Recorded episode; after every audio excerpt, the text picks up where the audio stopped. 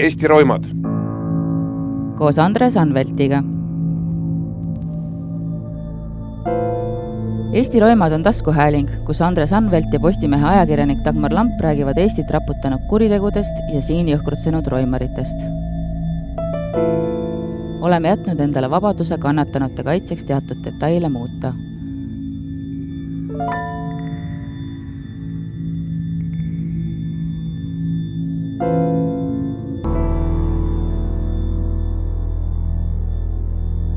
Eesti Kaitsepolitsei tähistab sel aastal sajandat sünnipäeva. taas iseseisvunud Eestis on kaitsepolitsei poolt riigivastases luuramises tabatud ja kohtu poolt süüdi mõistetud kakskümmend inimest, neist kuus riigireetmises, mis paneb ühe inimese tegutsema nõnda, et ohus on Eesti iseolemine ja riigi julgeolek.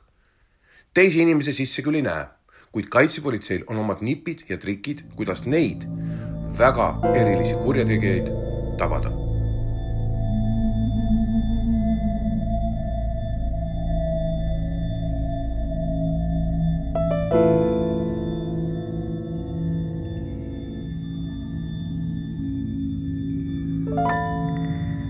Eesti roimade suured fännid ja inimesed, kes alles esimest korda võib-olla kuulevad, et selline lahe asi nagu Eesti roimad koos Andres Anveltiga meil on. täna on täiesti eriline episood, sellepärast et Kaitsepolitsei tähistab sel aastal oma sajandat sünnipäeva ja sellel puhul on meil eriline au olla siin täna koos Kaitsepolitsei peadirektori Arnold Sinisaluga ja Andres Anvelt, sa võid natuke rõõmsam olla sest see on ikkagi meie kahe beebi see saade ja meil täna siis loodame saada teada võimalikult palju erinevate riigireetmiste kohta, spioonide kohta ja ma lugesin eile läbi kapo aastaraamatu, ma võin öelda, et see tekitab päris korralikult paranoiasid. mu Huawei kell käe peal paneb mõtlema, et kas ma peaksin seda kandma. aga Andres, kuidas sina üldse kapoga oled seotud olnud? ainult positiivselt, kõigepealt tere ka minu poolt ja, ja enda poolt kindlasti nii Arnoldile, peadirektorile kui ka kogu äh, kaitsepolitsei rahvale mm,. kuumad õnnesoovid, sest ega see nagu ütleks viimase aasta raamatust lugeda, mis on just põnev, sellepärast et ta räägib äh, äh, nagu öeldakse, nendest ülemineku aastatest üheksakümnendatest, üheksakümnendatest, mis oli igal pool raske. ja ma arvan, et minu ajalooline mälu nii kaitsepolitseiga mm, kui koostööpartneriga, vahest kui ka konkurendiga Keskkriminaalpolitsei poolt on kindlasti päris pikk. me just Arnoldiga rääkisime ennem saadet, et üksteist me tunneme üheksakümne kolmanda aasta sügisest. see on terve inimpõlv, võib öelda. ja hilisemalt siis ma arvan, et need kokkupuutepunktid olid väga laialdased kuni selleni välja, et siseministrina minu valitsemisalas seesama organisatsioon ju ka tegutses ja tegutseb siiamaani Siseministeeriumi valitsemisalas. seal on tema pesa alati olnud. kuigi siit raamatust on tegelikult võimalik lugeda ja soovitan seda kõigil, kapo aasta raamatut kodulehelt leida, on see, et algselt teda planeeriti ju kohtuministeeriumi alla.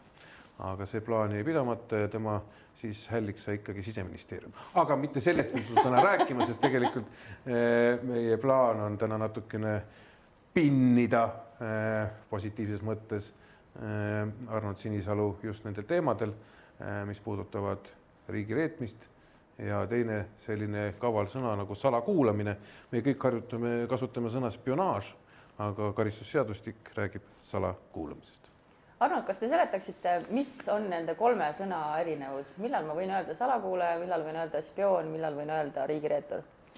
no alustame sellest, et riigireetur saab olla see inimene, kes on oma riigi teenistuses, et ta ei saa olla võõrriigi kodanik, ta ei saa olla mittekodanik, et üldjuhul Eesti riigiteenistusse on erandid, aga Eesti riigiteenistusse võetakse Eesti kodanikud mm. -hmm. et riiki saab reeta selle riigi kodanik võõrriigi kodanik või kodakondsuseta inimene võib olla spioon või salakuulaja, kõik sõltub nendest konkreetsetest kuriteo koosseisudest, et noh, nii oleks võib-olla kõige lihtsam sellest aru saada. hästi loogiline ka selles mõttes. minul on kohe üks täpsustav küsimus, juristil tekkis.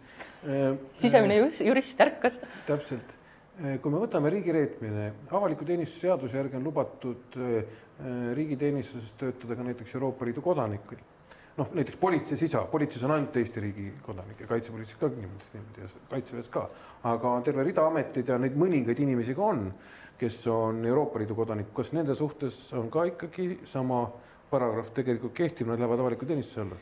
seal on mõned muud koosseisud, et aga see ilmselt sõltub väga palju, et, et mis, mismoodi see olukord kujuneb, et raske, raske on praegu võib-olla sellist kunstlikult sellist koosseisu siin looma hakata, et kuidas see võiks olla aga võib ju olla selline olukord, kus välisriigi kodanik, kes on Eesti riigi teenistuses, näiteks võib äh, anda siis vastasele hoopis äh, mitte konkreetselt Eesti riigi mm, -hmm. see võib olla ka Euroopa Liidu või NATO riigi saladus. ja sellel juhul on ta ikkagi riigireetur? jah, nii ta võib olla. täpselt samamoodi kui Herman Simm andis ju välja ka peale Eesti riigi saladustega ju välisteavet ja, ja see läheb ka riigireetmise alla, nii et, et see ei ole kergendav asjaolu, kui sa annad välismaale teise riigi. Mm. -hmm. ei ole kindlasti jah. Aga kui me siin ette valmistasime saateks, siis äh, Andres oli väga tubli, tegi hästi palju küsimusi, nii et ma nüüd kasutan neid, sest ma ise tegin ainult ühe küsimuse.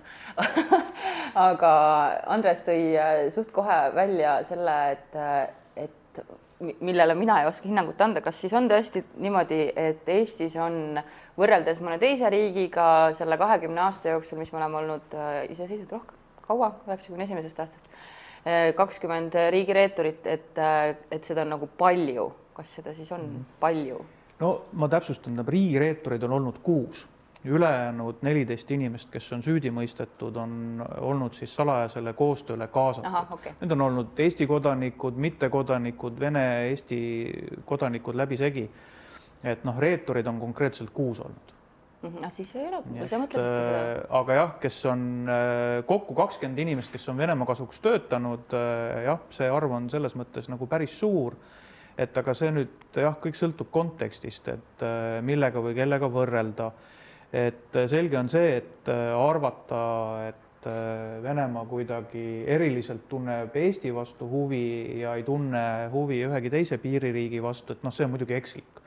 aga eks erinevatel riikidel on erinevad võimalused, erinev õiguskeskkond ja ka erinevad meetodid et äh, mitte kõik riigid ei lähe sellist avaliku menetluse teed, mõnedes riikides üritatakse ka nii-öelda kahtluste puhul need inimesed lihtsalt teos äh, kuhugi kõrvale lükata et nii-öelda ei hakata üldse uurima, et teatakse, et see võib olla keeruline, on väga raske tõendada, et lihtsalt nii-öelda inimene istutatakse kuskile mujale, ta ei puutu enam riigisaladustega kokku, et seda loetakse selliseks ennetavaks meetodiks. kas see on õige või vale, see on kõik äh, konkreetsest riigist sõltuv et äh, meie oleme valinud teise tee ja ma arvan, et see, et me oleme seda teed läinud, on meile andnud ka teatavat laadi positiivset tagasisidet et ütleme, kui siin võib-olla kakskümmend aastat tagasi Andres veel mäletab, et oli rohkem selline nali, et noh, et kapol on raske töö, et äh, kogu aeg otsite spioone taga, aga neid ju ei ole, ühtegi pole kohtu alla antud. no nüüd need on neid terve pinu, võiks nii öelda. ja et mida see siis andnud on, on see, et äh, meil on tagasisidet, et äh, mõned inimesed on konkreetselt sattunud värbamisobjektiks, aga nad on keeldunud koostööst, nad on öelnud, et Eestis on nii palju inimesi kinni pandud, et ma ei taha riskida. ja nad on tulnud ise rääkima nendest juhtumitest. Ja, ja siit ka olekski selline esimene üleskutse, et mis iganes olukord mõnel inimesel ei teki, noh, tõenäoliselt küll võiks olla mõni riigiametnik, kes meie idanaabrile külla läheb ja, ja seal nii-öelda ette võetakse, hakatakse igasuguseid kummalisi küsimusi esitama või ähvardama või šantažeerima, et siis eh, see kindlasti ei ole mingisugune juhuslik üritus, et tuleks kohe meile ka sellest teada anda, öelda, et oli selline juhtum, eh, mida küsiti, kes küsis, sest et eh, see kipub nii olema, et esimene kontakt ei jää viimaseks ja kui inimene selle jah-sõna on öelnud või nõustunud selle salajase koostööga, võtnud ka vastu mingisuguse tasu või mingi kallima kingituse, et teda ei jäeta üldjuhul rahule ja see inimene mässib ennast äh, lõpuni sisse ja et äh, kipub nii olema, et on ka üpris suur tõenäosus, et ta võib aastateks kinni minna. siit ma küsin kohe väga sellise intrigeeriva küsimuse, mis on alati paelub kõiki neid sündmusi, mis on seotud spionaaži või riigireetmisega mis on kaitsepolitsei nagu selline üldistus, kui me võtame tõesti kui sul on juba kakskümmend case'i olnud, jah, nad ei ole küll riigireetur, mis kõik on tegelikult ju luuramine Eesti riigi vastu. nimetame neid üldnimetamisega, mis neid inimesi motiveerib, motivatsioon, kas saab teha mingit üldistust või on iga inimese puhul erinev? mis ongi huvitav, et mina ja ma oma kolleegidega oleme sellest nagu rääkinud ja proovinud nagu sellist üldistust teha, et on tegelikult õige öelda, et ei saa üldse üldistada, et iga juhtum on väga spetsiifiline, konkreetne. Et noh, siin on hästi palju spekuleeritud ajakirjanduses, et noh, et võtame need nimed, et näed, et kõik on justkui vene nimed, et ainult Simm on eesti nimega. no mina jätaks selle nii-öelda ideoloogilise poole täiesti kõrvale, et me just siin analüüsisime neid juhtumeid, et on üks konkreetne inimene, kelle puhul ütleme, selline koostöö Venemaaga oli selline noh, ideoloogilise taustaga, et tal oli varem kontakte nii-öelda Nõukogude Liidu eriteenistustega, oli Nõukogude eriteenistustega ise seotud ja teda see väga motiveeris nii-öelda see Venemaa kui Nõukogude Liidu järeltulija ja see oli tema jaoks oluline. kõigi teiste puhul on väga erinevad asjaolud, et noh, kui me võtame nüüd nendest, need neliteist inimesed, kes ei olnud reeturid, aga muidu läksid Venemaaga koostööle seal oli terve hulk äh, salakaubaveoga seotud inimesi. Nende puhul äh, võib natukene üldistada, oli see, et äh, noh, salakaubaveo vedaja rikub tõenäoliselt mõlema riigi mm. seadusi ja nii-öelda FSB-ga koostööle läinud inimeste puhul oli selge, et neil ei olnud soovi salakaubaveo eest kinni minna. ja nad asusid nii-öelda varmalt koostööle kõik muud juhtumid on väga-väga spetsiifilised, et äh, noh, Simmi puhul on sellest äh, räägitud äh, natukene, et tema puhul oli selline kibestumine, kindlasti oli seda ka Dressenil, mõnel inimesel veel, võib-olla ma ei taha siin detaili minna, nii et väga erinevad aspektid ja tihti on ka see, et, et ei ole nagu ühte ainust konkreetset põhjust, et inimesel võis olla kibestumine, isiklikus elus midagi halvasti minna, olid rahalised probleemid mõne puhul äh, sai Venemaal nii-öelda noorest peast tehtud mõni seiklus selle aluseks, et keegi võib-olla harrastas sellist ulaelu ja, ja juhtus, juhtus see, et äh, nii-öelda õhtul ööklubis käies ja mõne meeldiva neiuga kohtudes hommikul astusid nii-öelda seltsimehed organitest ligi ja ütlesid, et näed, meil on siin kaebus, et sa vägistasid kellegi nii-öelda sisuliselt, no ütleme siis selles nii-öelda Venemaa eriteenistuste keeles, et äh, kasutati ära kompromiteerivaid materjale. kas see oli Dresdeniga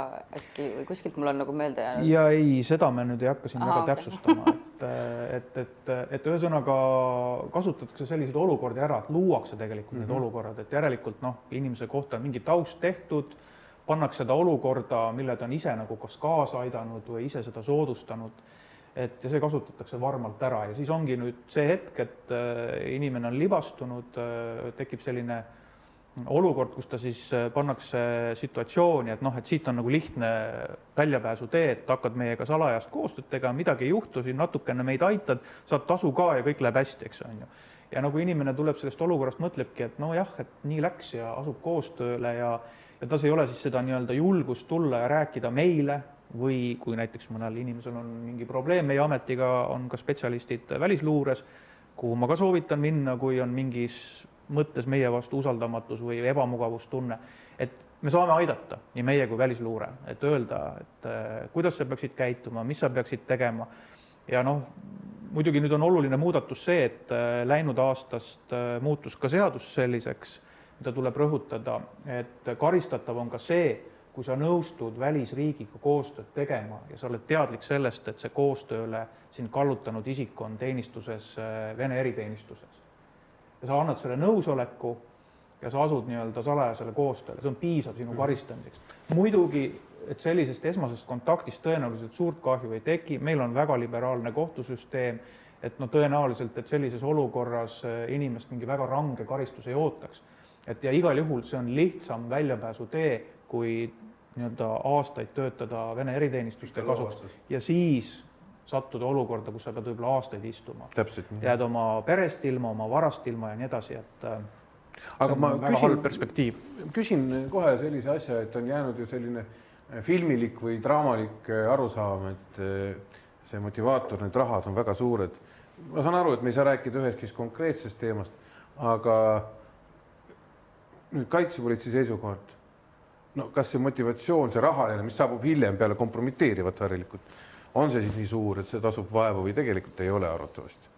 Äh, see on ka olnud erinev, et ütleme, need salakaubaveo vedajad, neile kindlasti need summad, mis maksti, olid väga väikesed, suht tühised. Nendele anti võimalus teenida ise raha. just, eks on ju, et see oli kõrvaltegur, et äh, need on mõned sajad eurod võib-olla.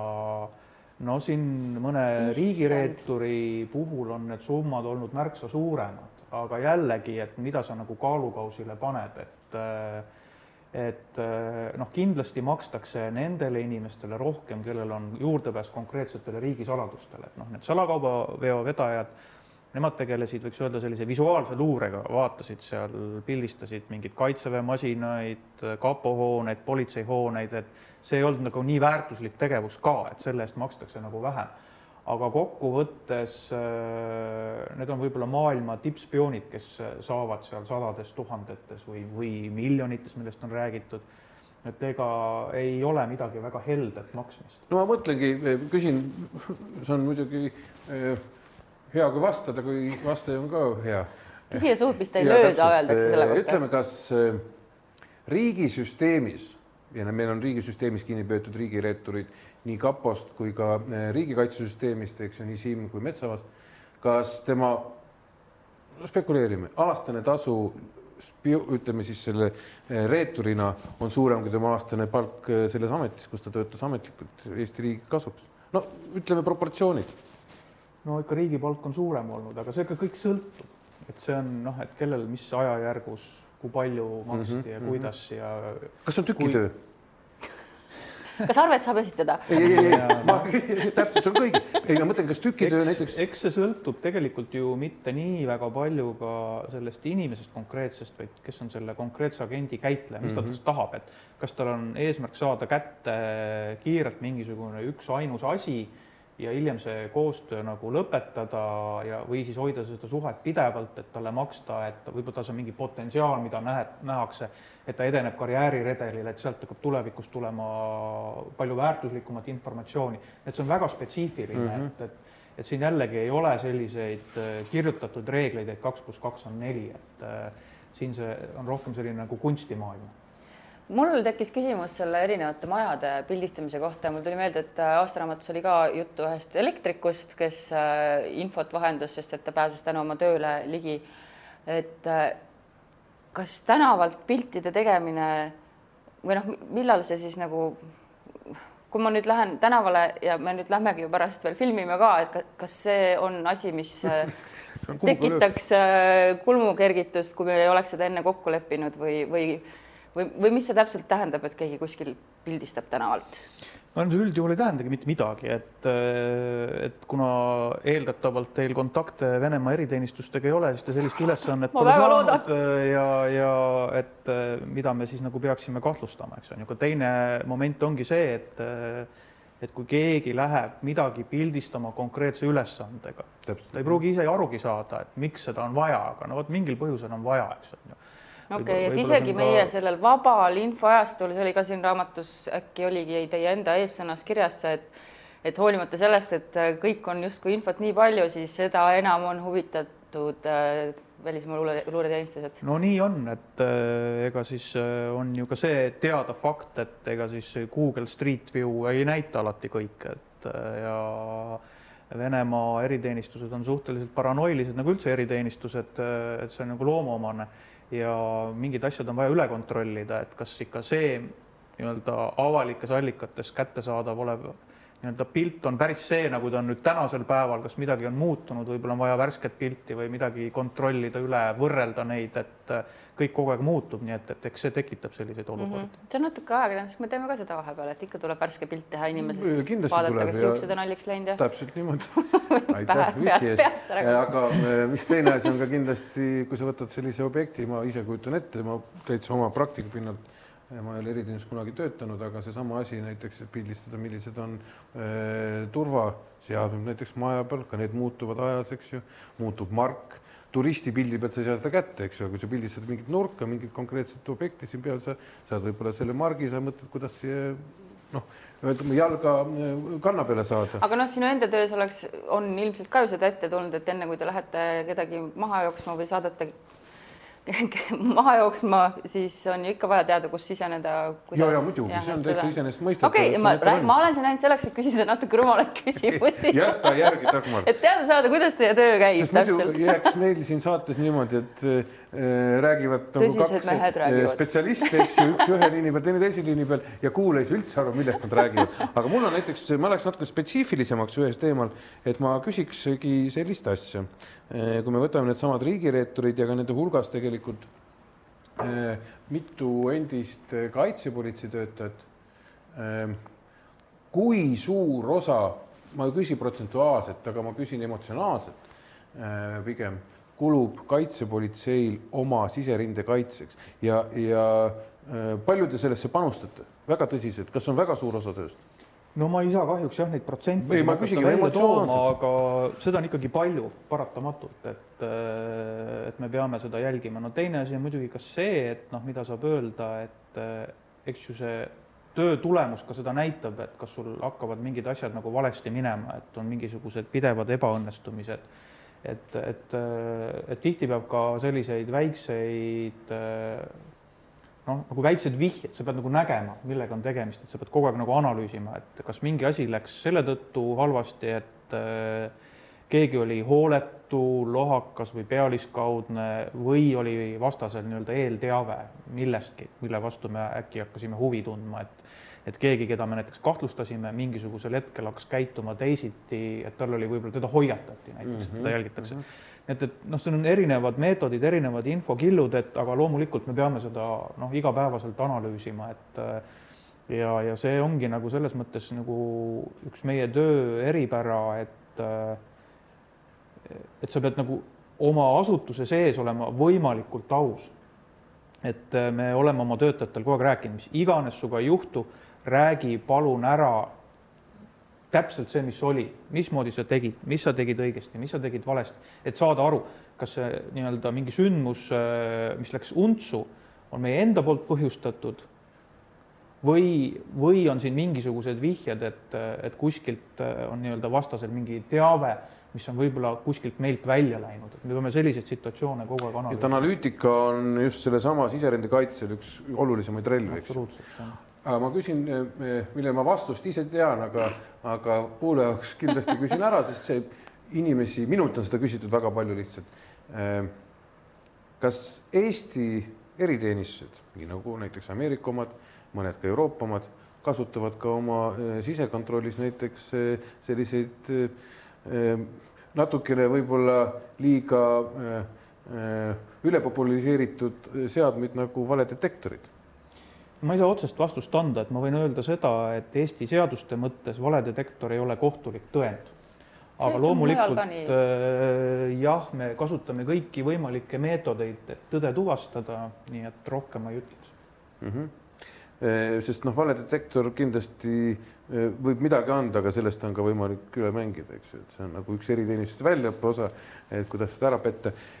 aga samas ma ikkagi küsin seda, kui me räägime ikka sellest siserindest ja ja eh, kõigist eh, nendest eh, juhtumitest, mis on seotud olnud kapoga, ma praegu riigikaitsest ei räägi, siis nad on ju kõik väga erinevad.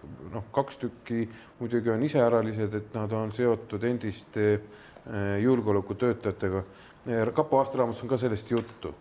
et nüüd sinu seisukoht, kui juba aastaid, aastaid, aastakümneid kapos töötanud inimesena kas oli see möödapääsmatus või oli see vajadus, et need inimesed siia jäid tööle ja võib-olla jätkuküsimus, et, et kas nende inimeste puhul tõesti jätkus ainult nende vandetõotusest Eesti riigile ja rahvale või ei olnud tookord lihtsalt võimalust nii sügaviti kontrollida?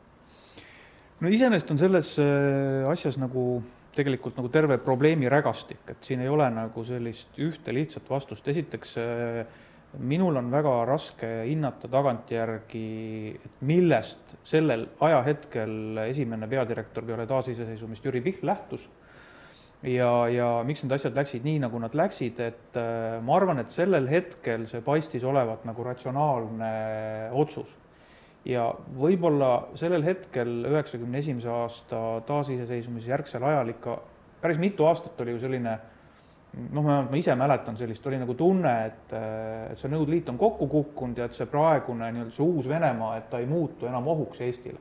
Väga paljud arvasid nii, et oli ju neid inimesi, kes rääkisid, miks me kaitseväge üldse vajame, et piisab sellisest politseidest piirivalvest mm -hmm. ja et Venemaa ei muutu meile enam kunagi ohuks ja ma arvan, see ohutaju oli ka natukene teistsugune, see on kindlasti selline, mida noh, tagantjärgi mõtestades mulle tundub, et oli üks põhjus teine asi see, et äh, eks neid inimesi ikka kontrolliti, nad andsid oma vande ja tollel hetkel nad tegid sellist tehnilist tööd, mis tundus, et äh, noh, nad ei, ise ei loo kontakte, nad ei olnud nii-öelda agendikäitlejad ja nad puutuvad kokku sellise vähem tähtsa tööga ja, ja eks see ka esimestel aastatel, ütleme, see suurem tähelepanu nii-öelda, sina olid Keskkriminaalpolitseis, tegelesid organiseeritud kuritegevusega et ka ma arvan, see kaitsepolitsei tähelepanu läks rohkem sellisele tavakuritegevusele, et mille kõigega me ei tegelenud, ma ei tea, salakaubaveo vedajatega, riigiaktsiisid ei laekunud, ajasime mingisuguseid. isegi narkoga ju. jah,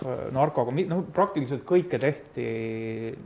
tollel hetkel oli üks võib-olla isegi kõige rohkem inimeste ohutaju äh, mõjutav need pommiplahvatused. üheksakümne viienda aastani kogu aeg äh, kümneid inimesi sai surma vist aastal üheksakümmend viis oligi tipp, oli mingi kaheksakümmend kuritegelikku plahvatust ühes aastas, on ju.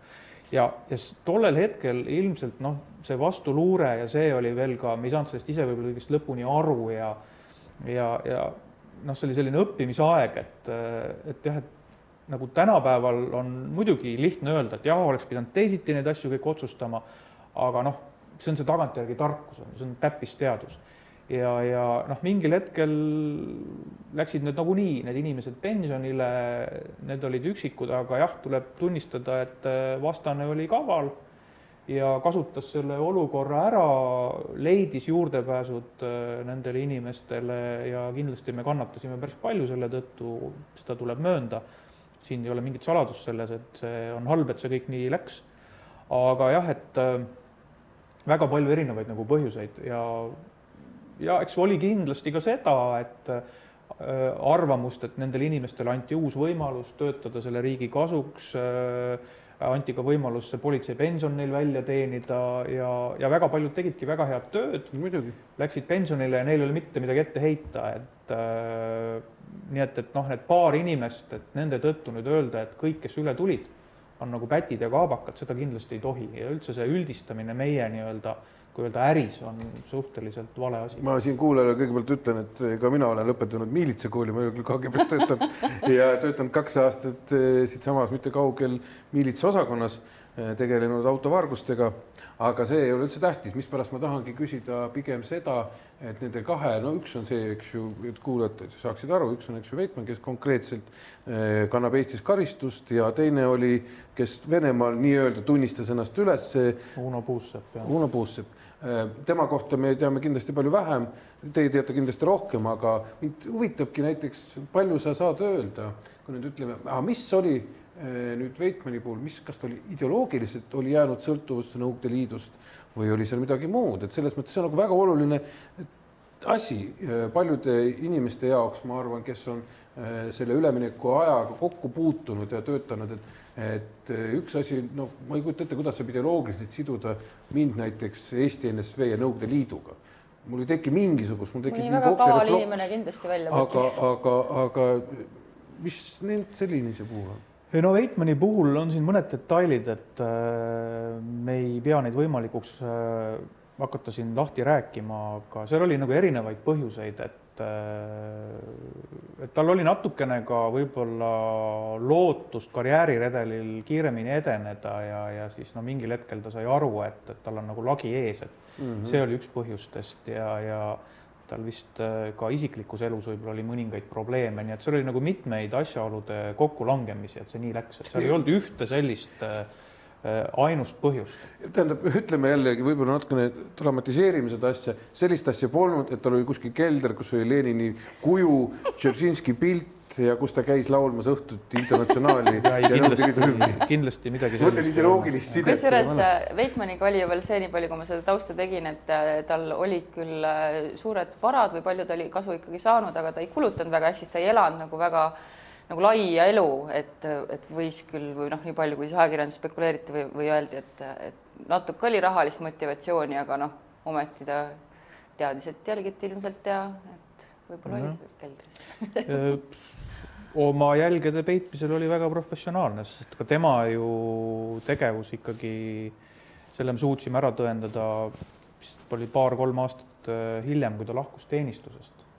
Nii et, et aga jah, õnnestus need tõendid kokku saada, nii et, et äh, ta oli jah, selles mõttes hoolas, et ega tema selline finantsanalüüs küll ei näidanud, et ta elaks üle oma jõu, et tekiks küsimus, et et kust ta selle palgaga saab endale seda ja teist soetada. kusjuures, kui ma vaatan siin oma spikrit äh, aastaraamatu järgi, eks ju, Vladimir Veitmann äh, värbas teda SVR, eks ju, kuulajal peaks kindlasti võib-olla väikse, hästi kiire tegema sellise arusaamise, mis on Vene eriteenistused, KGB-d ei ole ju enam just, no Venemaal on kolm põhilist eriteenistust, kes siis meie vastu töötavad, üks on siis FSB ehk Föderaalne Julgeolekuteenistus, äh, ütleme, see on sise, siseriiklik teenistus. see on nüüd KGB, ütleme õigusjärglane mingil määral. jah, ta on äh, osa sellest KGB-st ja KGB siis esimene peavalitsus, sellest siis moodustati hiljem äh, välisluure, see on seesama lühend SVR, venekeelne akronüüm välisluurest ja on veel sõjaväeluure GRU nii et, et need on kolm põhi, põhilist eriteenistust, mis Eesti vastu töötavad. no seal on veel muid eriteenistusi, eh, noh näiteks eh, presidendil on oma ihukaitseteenistus, eh, rahvuskaart, millel on oma teatud spetsiifika ja, ja nii edasi, eks ole mm. -hmm. nii et aga FSB on kindlasti kõige suurem, kõige tugevam, FSB alla kuuluvad ka piirivalveväed, nii et, et seal noh räägitakse, et noh, see põhituumik on seal võib-olla kahe-kolmekümne tuhande ringis eh, koos seal piirivalvevägedega kokku üle kahesaja tuhande nii et, et aga noh, suure riigi peale. päris hulk vastaseid. aga, miks ma seda veel küsisin no,? Õnneks kõik ei tööta Eesti vastu. miks ma seda küsisin? Eh, see on võib-olla täitsa minu selline äh, väikene spekulatsioon, aga kui me võtame neid inimesi, kellel võis olla nõukogude ajal Äh, mingisugune kokkupuude näiteks KGB-ga, kas otseselt või kaudselt, äh, nii Herman Simm oma mineviku järgi kui ka seesama Veitmann, siis nende värbajaks on SVR. kui me võtame äh, Dresseni, eks ju, kes oli palju hiljem, tal ei olnud sellist nõukogudeaegset, temal on FSB et see nagu, kas ma näen siin mingit mustrit või see on täitsa minu kirjanduslik luulu? see oli jah, pigem selline ajastu spetsiifika, et et Dresseniga äh, see esimene kontakt loodi Venemaal, ta käis oma naise sugulastel Venemaal külas ja mm, -hmm. ja seal see aset leidis. nüüd nii palju, kui ma Simmi asja, mina sellega tollel hetkel ei tegelenud, ma detaile ei tea, pole pidanud vajalikuks detailidesse tungida, aga tema puhul äh, tõenäoliselt, äh, miks välisluure sellega tegelema hakkas, oli see, et mm, nii-öelda oma elu oli tal selline, et ta armastas välismaal reisida ja tõenäoliselt leiti, et talle juurdeastumine kuskil kolmandas riigis on nagu kõige ohutum ja kõige turvalisem, et et Simm oli siiski ju pikka aega noh, suhteliselt tuntud tegelane Eestis, olles ka politseijuht ja nii edasi, et et võib-olla tema puhul mis iganes sidemed tal siis ka ei olnud, et on nii-öelda ohutum luua kontaktse kolmandas välisriigis nii et, et ma siin nagu otseselt nagu mingit eripära ei oskaks nagu välja tuua, et äh, mm, jah, aga see, mis puudutab seda küsimuse esimest poolt, et, et kas need kontaktid, mis kunagi nõukogude ajal olid, et kas need mingit rolli mängisid, et äh, seda võib küll öelda, et loomulikult Venemaa on äh, kõike valmis ära kasutama, mis neil olemas on ja kindlasti veel paljudeks aastateks kõik need inimesed, kes on nõukogude ajal üles kasvanud, täisealiseks saanud, et kui mingisuguseid kokkupuuteid on eriteenistustega olnud, et siis äh, vajaduse tekkida, tekkides seda kindlasti kasutatakse ära. Simmi puhul on, ma, oi vabandust, Dagmar. ja ma hakkasin ütlema, et me hakkame vaikselt lõppu jõudma, aga ütle veel Simmi puhul ära. ja ei, tegelikult meil on veel üks väga oluline teema, mis ma tahaks üle käia. käi. Äh, aga Simmi puhul lihtsalt, äh, et saade on meil väga tõsine, aga üks oluline tähelepanek on see, et ühest varasematest piltidest, kui ta oli Harju politseiprefekt ja ta peab laua taga nõupidamist, siis juba siis laua peal oli tal Eesti Vabariigi väike laualipp oli tagurpidi nii et, et see pilt on täitsa meedias olemas. aga ma tahtsin küsida veel väga sellist spetsiifilist teemat, mis on kindlasti väga intrigeeriv ja mis puudutab spioonide sildasid. Ehk Eesti on, kui ma ei eksi, kaks korda praegu vahetanud siis vastavaid noh, vastuluure kliente, eks ju, Eesti ja Venemaa vahel. paari sõnaga äkki saaks seda nagu kirjeldada, kas see on see, mis Eestis on juhtunud Venemaaga, kas see on tavapärane maailmas ja mis on kindlasti intrigeeriv, kui suhtlevad omavahel professionaalid, näiteks Eesti ja Vene pool, ega te ju ei sõima üksteist. seda ma mõtlesin ka nagu kusjuures, et kakssada tuhat inimest. kes sõimavad laval üksteist, aga kui lähevad ukse taha, siis ütlevad, noh, oli, panin sulle hästi, eks ju, või kuidas see asi on? Ja ei, kindlasti midagi sellist ei ole, me võime siin ju omavahel äh, nii-öelda kurjad üksteise peale olla, aga et kui on professionaalne läbikäimine sellise olukorra lahendamiseks, siis peavadki ju mõlemad pooled oma emotsioonid alla suruma ja lähtuma sellest eesmärgist, mis neil on, et kui on äh, mõlemapoolne huvi selline vahetus teha, et noh, siis mõlemad ju saavad aru, et äh, sellised üksteisele etteheited, need kuhugi ei vii, et pigem üritatakse siis kokku leppida et kas on seda nii-öelda kokkulepperuumi selles olukorras või mitte, et et seal tuleb lähtuda puhtalt pragmaatilistest huvidest ja, ja nii see käib. kas see käib eh, tegelikult no Eesti poolt, nii palju kui ma mäletan, need inimesed, kes on eh, välja vahetatud, nad on pidanud saama, eks ju, meie presidendilt eh, armuandmise. kas teiselt poolt käib see siis läbi Vladimir Putini isiklikult ka? põhimõtteliselt küll jah, sama skeem. sama skeem, nii et kõige kõrgem juhtkond sellega kursis no ikka jah. aga initsiatiiv mõlema teema puhul, kelle poolt on tulnud? no Eston Kohveri puhul on selge, et initsiatiiv oli meiepoolne. Susi puhul see vast oli selline mõlemapoolne huvi. okei okay., ehk äh, väga provokatiivne küsimus aga kas võib väita, et vahest eriteenistused, ma ei räägi siin Eesti eriteenistusest, räägime mõnest teisest, võib-olla natukene vaenelikumast, agressiivsemast riigist, eh, siis kui tal on teises riigis jama, siis ta võib hakata aktiivselt otsima endale ohvrit, keda oleks võimalik välja vahetada. ja selliseid juhtumeid eh, kindlasti on, jah. et panna surveseisukorda siis teine riik, välja anda oma võib-olla palju tähtsam nende jaoks agent. nüüd viimane küsimus minu poolt, ennem kui Dagmar, see on lihtsalt nii huvitav teema. ma näen jah, et sa naudid, ma ei taha sind segada üldse aga ma jätan selle viimase küsimuse sulle. ei, sul oli ju täitsa. ei, ei, räägi, küsi kust sa tead, ega me nüüd nii hästi ka omavahel aju ei ole ühenduses, mina tahtsin tegelikult äh, lõppu või kokku võtta selle asja hoopis sellega, et, äh, et äh, rääkisite enne ohutajust ja selli-, sellest, milline ta oli siis üheksakümnendatel ja kuidas ei tajutud võib-olla nii hästi. Ja kas võib öelda, et praegu on see pigem kohati nagu vastupidine, et kohati see Venemaa, ma ei tea, kas hüsteeria on õige sõna, aga et kardetakse noh, seda suurt kurja hunti, aga siin aastaraamatus tuli ka ikkagi mainiti päris palju, et see ei ole ikkagi ka päris nüüd nii, nii dramaatiline. et huvi on, aga kas ta on nüüd nii ja nagu sellele jällegi ei saa nagu väga lühidalt vastata, tähendab kindlasti siin on nagu erinevad, erinevad ohud ja erinevad mõjud, et tähendab põhiseaduslikule korrale Eesti riiklusele kõige suurem oht jätkuvalt on Venemaa agressiivne käitumine. Siis tuleb tükk tühja maad ja siis on muud ohud, et äh, kindlasti tavainimest võib äh, palju tõsisemalt äh, puudutada terroriakte Eestis või Eesti kodanikud satuvad terroriakti ohvriks kuskil välismaal ja kõik muu, mis sinna juurde tuleb, et radikaliseerumine nii moslemite seas kui Eesti parem, paremäärmuslaste seas, et aga noh, need ei ole sellised ohud, mis hetkel võiksid kuidagi põhiseaduslikku korda ohustada, et noh, Venemaa käitumine äh, sõjategevus Gruusia ja Ukraina vastu ja Krimmi annekteerimine, et noh, need on lihtsalt palju kangemad äh, juhtumid kui kõik muu. aga lihtsalt me aastaraamatus kirjeldasime, et, et ei ole ainult Venemaa, mis võib ohtu kujutada, vaid et on ka teised ohud, et mm, -hmm. et sellega me oma arvates suhteliselt äh, selgesti välja tõime, et võib-olla me ei lisanud sinna nii palju emotsioone, selle tõttu jääb selline mulje, et, et noh, et Venemaaga nagu justkui probleemi pole, et. ei, päris see mulje ei jäänud, aga kas sa ikka tahad oma viimase küsimuse ära küsida, mul on niisugune tunne, nagu ma oleks röövinud sult midagi. ei, ei, mul oli tegelikult ka täitsa saate lõpu küsimus, kuna meie rohkete kuulajate hulgas on pärast päris palju noori inimesi.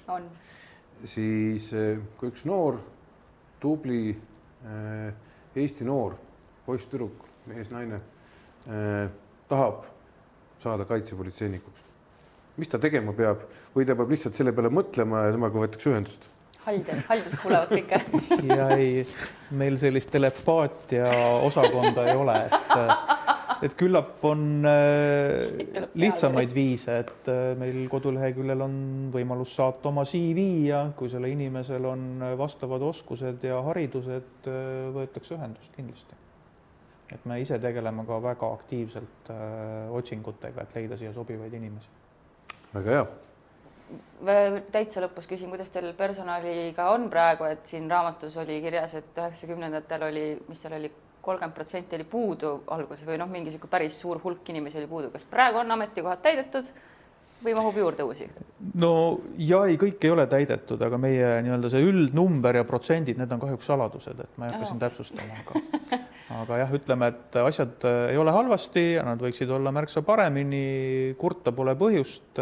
nii et äh, selline, ma ütleksin, et äh, viie palli süsteemis äh, tugev neli pluss vast. no väga hea juubeliaasta kohta. igal juhul suur aitäh teile, et te meid vastu võtsite. aitäh, Andres, et noh, sinu laiatõlgade najal see saade meil püsib, ei ole siin mõtet teeselda ja aitäh vaatajatele, kuulajatele ka, kes te kuulete seda oma podcasti rakendusest. Eesti Roimade podcasti hooaeg läheb edasi, meil oli natuke siin äh, jama, eelmine nädal jäi osa ära, aga see-eest tule, tuleb teile täna uus osa ja tuleb ka järgmine nädal, nii et äh, oleme kenasti jõudnud äh, järjele. aga aitäh, et te meid kuulasite, vaatasite ja aitäh, Arnold, aitäh And. Eesti roimad. koos Andres Anveltiga